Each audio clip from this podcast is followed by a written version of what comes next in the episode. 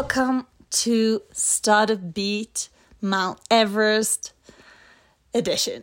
So today I got to interview one of uh, the people that I'm tracking with, the one and only Jeremy Basset. He is the CEO of CoCubed, helping corporates to collaborate with startups. Formerly, he's been at Unilever. He's been building over 22 businesses with 40 million pounds. His uh, has his education from London Business School, and today we are going to talk about startup and corporate partnerships and collaborations and how we can get most of these fantastic uh, collaborations.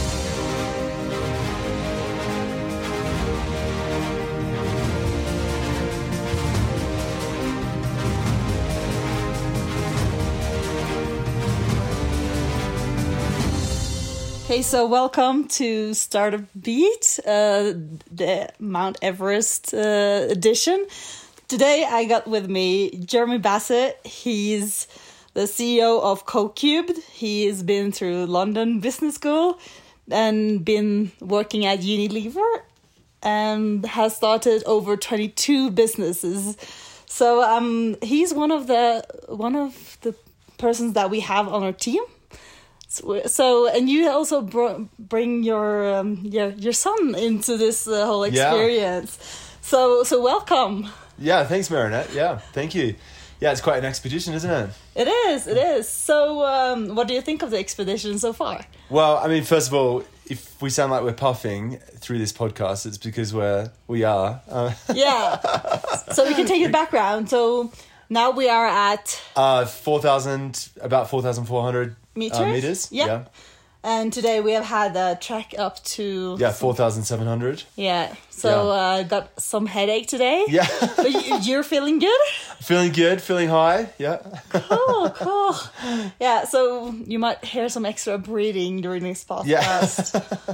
Yeah. yeah. So, uh, what do you like to do normally? Like, if you're not working, what? Yeah, not working, not uh, trekking up Everest.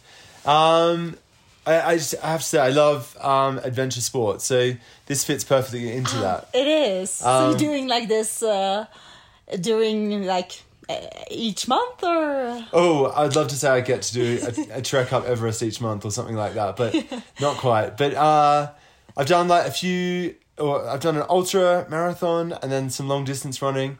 Um, try and get the kids involved in things like that as well. Yeah. We did some some whitewater rafting in iceland uh, last year, and um, yeah, just like quite a mix to be honest. Long distance cycling, um, it's quite fun as well. Cool, that's yeah. so much fun.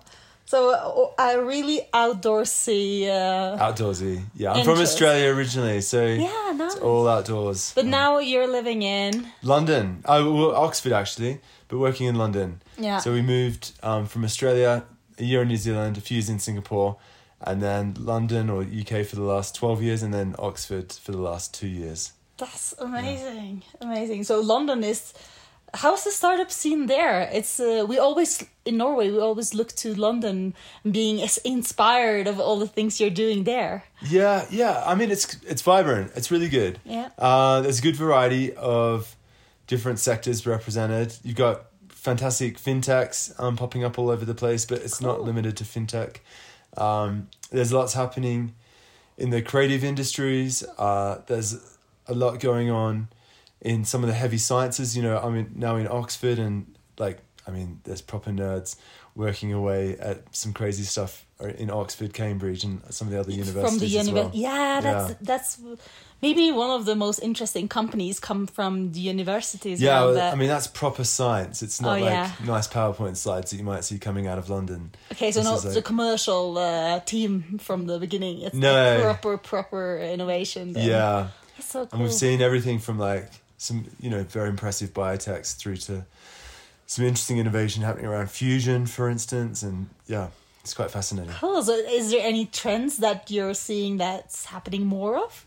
Oh, uh, good question.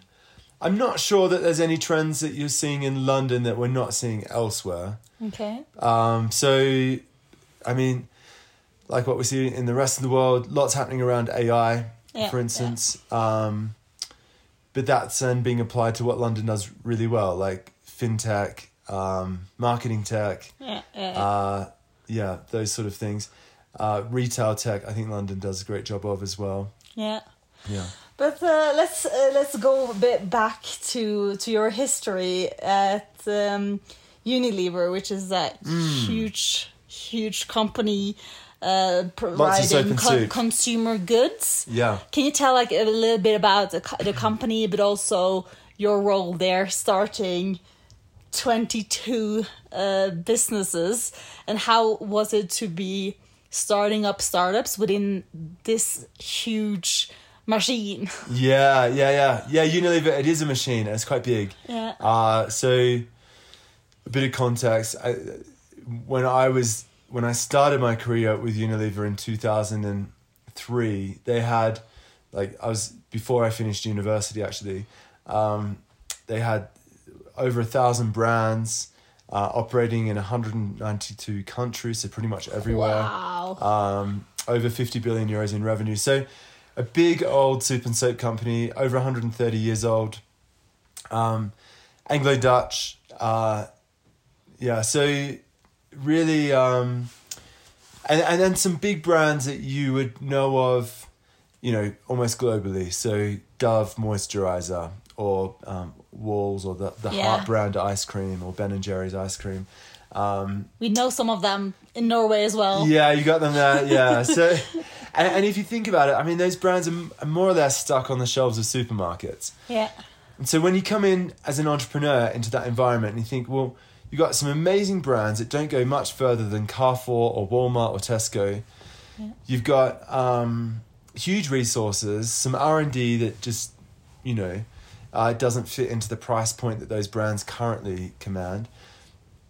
Uh, you know, that's an entrepreneur's dream, and and you could do a lot with that. There's some amazing assets to build off. So that was sort of our challenge in 2010 was uh, Unilever had just appointed a new CEO, Paul Polman, in 2009.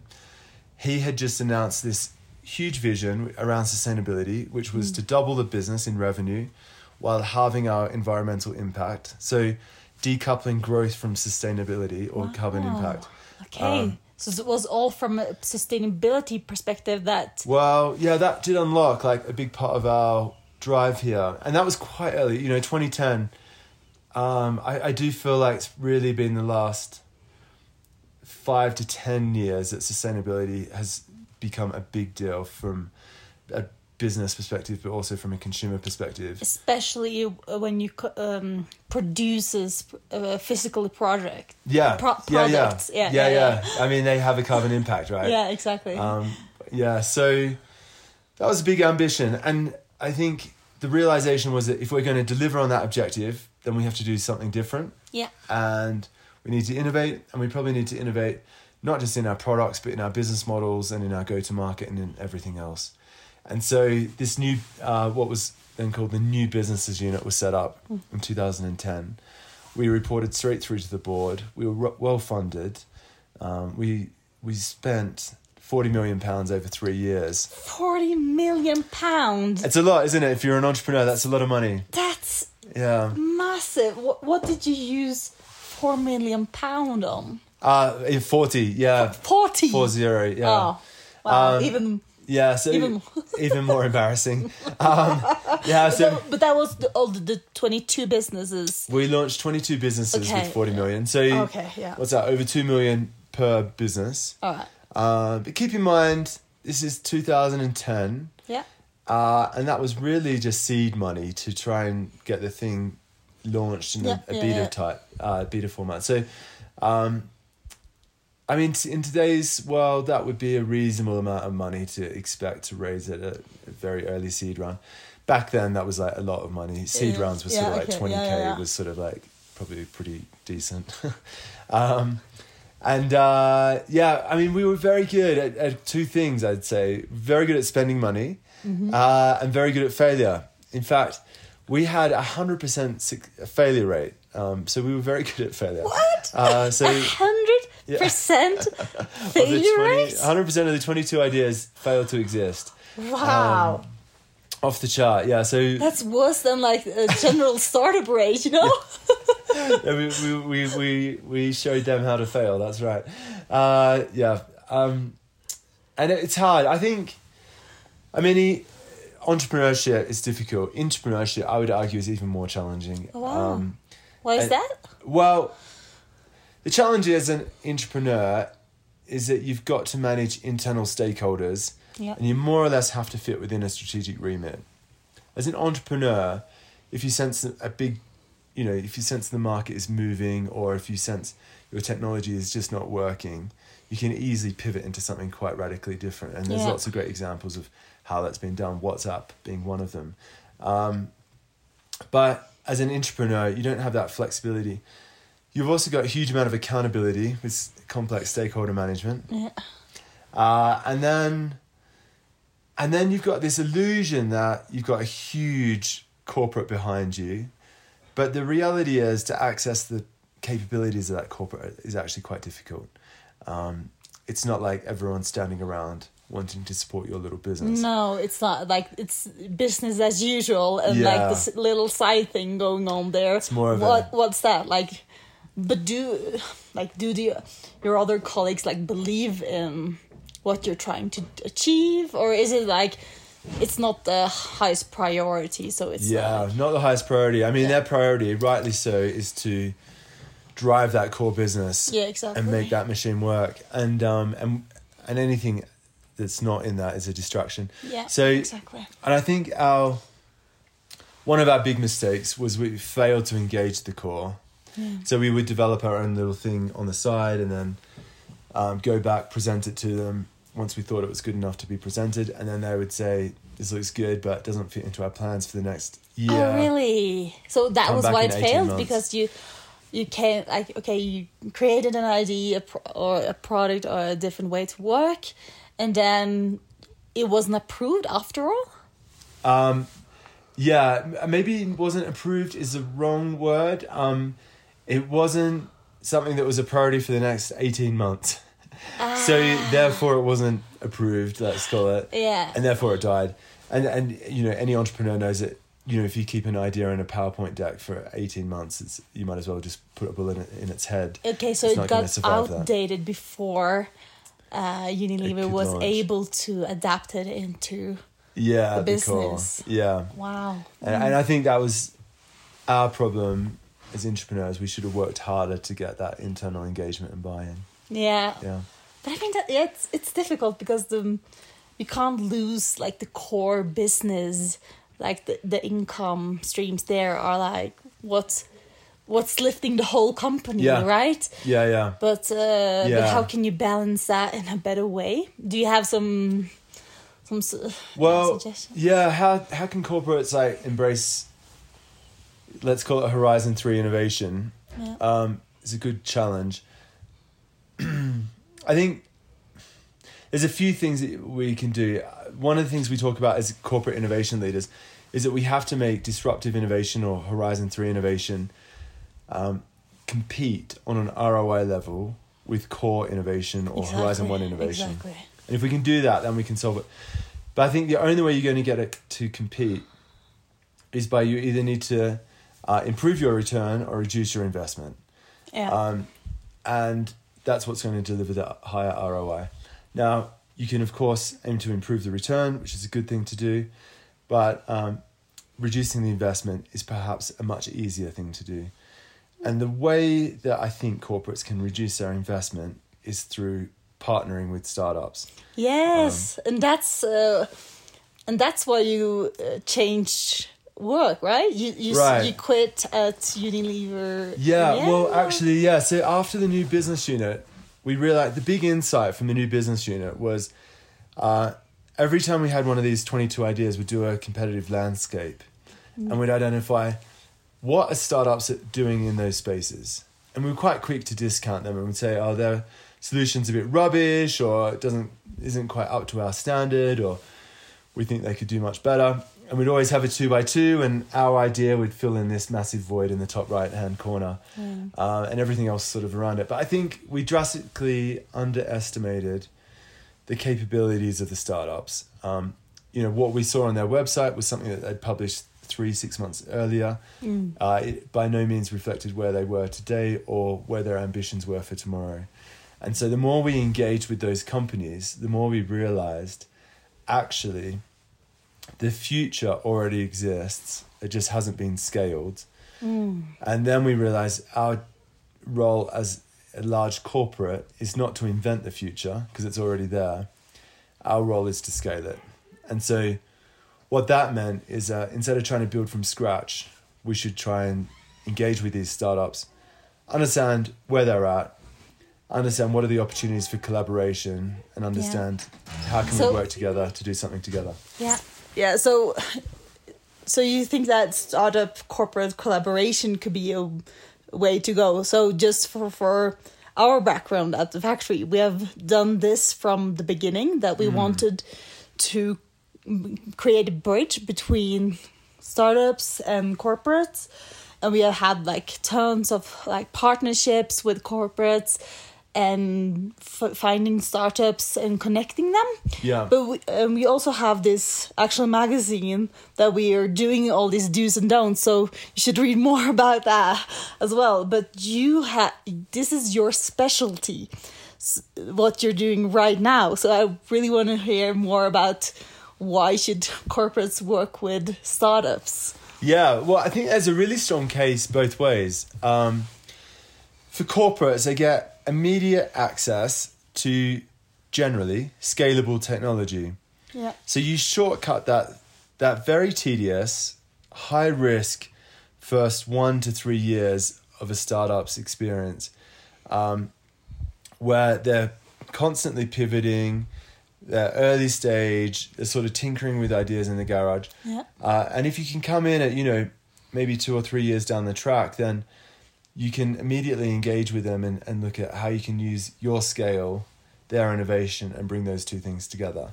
yeah So for a corporate, they shortcut um, their development times, shortcut the investment, uh, getting to that third year or that developed solution takes a huge amount of investment. Um, and corporates can tap into all of the investment that has been made by angels and VC funds and other investors through those three years as well, without making the same sort of investment themselves. It's much lower risk. By the time you get to year three or a proven solution, you know, 90% of the startups that aren't successful have already, you know, gone bankrupt. Yeah. Um, so you know that those companies are the ones that are, are likely to survive in the mid to long term. Um, so those are, I think, three really good reasons to engage. The other reason, though, is you generally find that they're backed by a group of founders that are passionate about this specific domain Yeah. and perhaps know more about this specific part of your industry or category than what you might yourself, um, which is quite humiliating for a lot of corporates, but an important realization to realize that they can be working with some, some real expert, domain experts um, to help partner. So, but it's not really easy, as we also know. Uh, In fact, we to it's two completely different cultures, two different machines or elephants or Yeah. what you call it. Um, so, is there any guidelines or tips or tricks for both cor- corporates or also startups to make this collaboration work better? Yeah, I think we learned a lot in the early days of doing this at Unilever. Yeah. Um, that we now apply at CoCubed to help other corporates. And we used to talk a lot about, I mean, some of the things you mentioned there, like David versus Goliath or the elephant and the mouse type thing. I, I don't know if those metaphors are that helpful, to be honest, because it almost puts the corporates and the startups at odds. At the end of the day, when you break it down and you get two people in a room, you've got a human talking to another human. Yeah. And often startups are filled with people that have got a huge amount of experience, industry experience as well. They're not not necessarily like the cliched 18 year olds that have very little idea of what they're actually doing in this space. They're often full of, you know, um, ex corporate experts that uh, have seen a niche in the market and have chased it. Um, So if you can break it down, make it very much human to human, I think that's the first important thing to do. Second thing though is get your systems um, ready to partner. So simplifying procurement, simplifying legal structures, um, reducing payment days, things like that will help you, uh, you know, right sizing your risk so that you don't not sending them a two hundred page contract to do a a twenty k pay pilot, for instance, a, a quite basic but important. Yeah. things. So, if, but if a startup is okay, I want to collaborate with this corporate, and oh, they also want to go into a collaboration. Should you? Should they? Uh, the startup just ask like, what uh, does it take for us to be collaborating?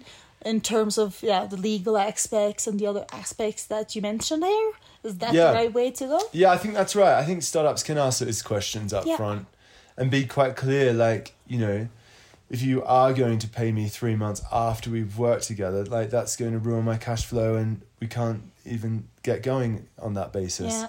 Um, yeah. So be open about that. Maybe get something up front of Yeah. the partnership. Yeah, Yeah, exactly. Yeah, I think transparency is key here. yeah, So being open in terms of what do you need to make this successful Yeah. as an entrepreneur is key. Um, but also pushing the corporate, you know, what does success look like for you? yeah, and how are you going to measure success? Because it's not really in any in, anyone's interest to do one a one-off pilot.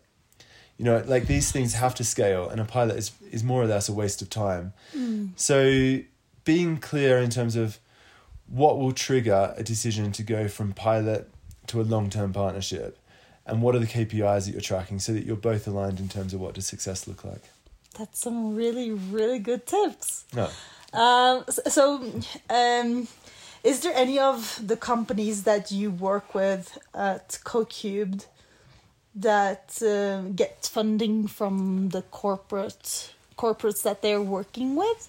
Yeah. So yeah, it's a good question. I mean, as a corporate, you can build, which is what we try to do in the new business unit. You Yeah. can invest or buy, and you can partner. So Yeah. we've been talking a lot about partnerships, but what about the invest or buy part? Um, partnerships, uh, you should get, always get paid for a pilot. Is our recommendation. It might be a small payment, but at least you're on their books and you've gone through their procurement system. Yeah, When it comes to investment, I think corporate venture funds are really interesting. Um, they can be an absolute game changer, and they can also destroy your your Yeah. valuation and your business as well.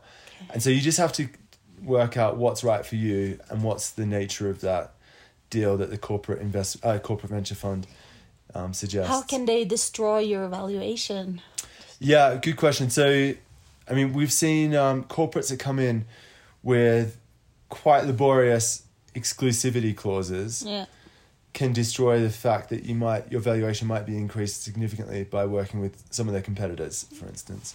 okay. Um, and I, I think, and that's why it's important that you find a corporate venture fund that is not only a strategic investor for you, but is also a financial investor because then they're aligned to trying to maximize value creation.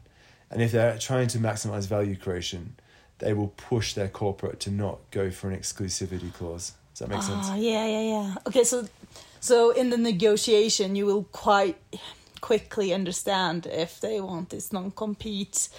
Yeah. Uh, yeah, in their um, I think that's agreements. one way, like non compete, exclusivity. Also, just understanding how do they operate as a fund? Are they actually a financially incentivized fund or are Yeah. they trying to just capture s- strategic value? Most of your VCs will not want a pure strategic fund on your cap table because that Oh wow! generally would destroy value. Oh, you would think that. Oh, you got so many customers, you can get um, quite e- or e- more easily than if you wouldn't have this strategic corporate venture partner. But other venture capitalists, they they don't think of it that way. Well, that your VCs and your investors are there to maximize wealth creation. Yeah, And if, if one of those investors is actually there to not do that, to exactly. extract Then, strategic- yeah, then you have strategic conf- value. uh, conflicting interests. Yeah, exactly. obviously. Yeah. Okay, so but if there's any uh, startups, uh, from Norway. Like we have uh, some startups that go, are going globally or are globally. If they're going to London, what what can you help them with? Yeah, if you're coming to London, um, I mean, we have at CoCubed we operate more on the corporate side than we do on the startup side. Okay. So we- we're not necessarily your best partners in helping to uh, help you scale to the UK, um, but we can definitely point you in the direction of people that could help Yeah. with that. Um, but there's also a possibility that maybe one of the corporates or the briefs that we're working on from the corporates is a direct fit for your solution. So Exactly. by all means, uh, reach out, get in touch, Yeah. uh, let us know what you're doing, what you're hoping to do, and uh, we'll see if we can find a fit for you here with one of our corporates in No, London. that's that's so cool. I just uh, really like this topic of corporate startup collaboration because it's just it's so complex and also challenging, and everybody does it a bit differently. So just hearing your thoughts on it, it's amazing. Um, do you have any last um, things that you? um, yeah, want to add on to that? Some tips and tricks. I mean, I'm glad you're excited about it. I definitely am too. I mean, it's been my the good part of my career has been spent in this space, and the reason I'm excited about it is it's an absolute game changer. If we can get it right, it transforms the startup and helps them scale much faster than if they were to do it alone. Yeah. Um, it's a game changer for the corporate because it brings innovation to their scale, which they so drastically need. And then and, and then it creates a huge amount of value for investors as well. So it really is a win win win. Exactly. Um, yeah. Awesome. So now we're sitting here. Uh, we have had a nice hike um, today. Um, you're gonna get your shower Yeah. cleaned up after this podcast. Stop smelling out your room. yeah, I mean, we, now we're sitting at my um, sort of bedroom with all- super thin walls, and yeah, looking out on this six, seven thousand meter peaks. Um, yeah, it's just uh, amazing Quite surreal. and yeah um your son as well is just 11 years old doing this together with yeah, you doing it with my son. Yeah. it's just amazing My to see Sherpa. like yeah your little sherpa it's a dream team uh do you have any um hopes expectations for the rest of the trip Oh, that's a good question. I mean, it's it's such a gift to have this space to think and clear the mind, and you know, yeah, all of that sort of stuff. So I'm enjoying it for what it is at the moment. But yeah, yeah okay but thank you so much for uh, for uh, giving your insights and it was so lovely to be able to interview you here at uh where, which which place are we at uh, Dingboche. yeah, it's like three different places that it's called Butche, Yeah. but like just a few like This is the big ding. this is the Ding Butche. Okay, so now you know where we're at. Okay, thank you so much for tuning in. Thanks, Marinette. Thanks.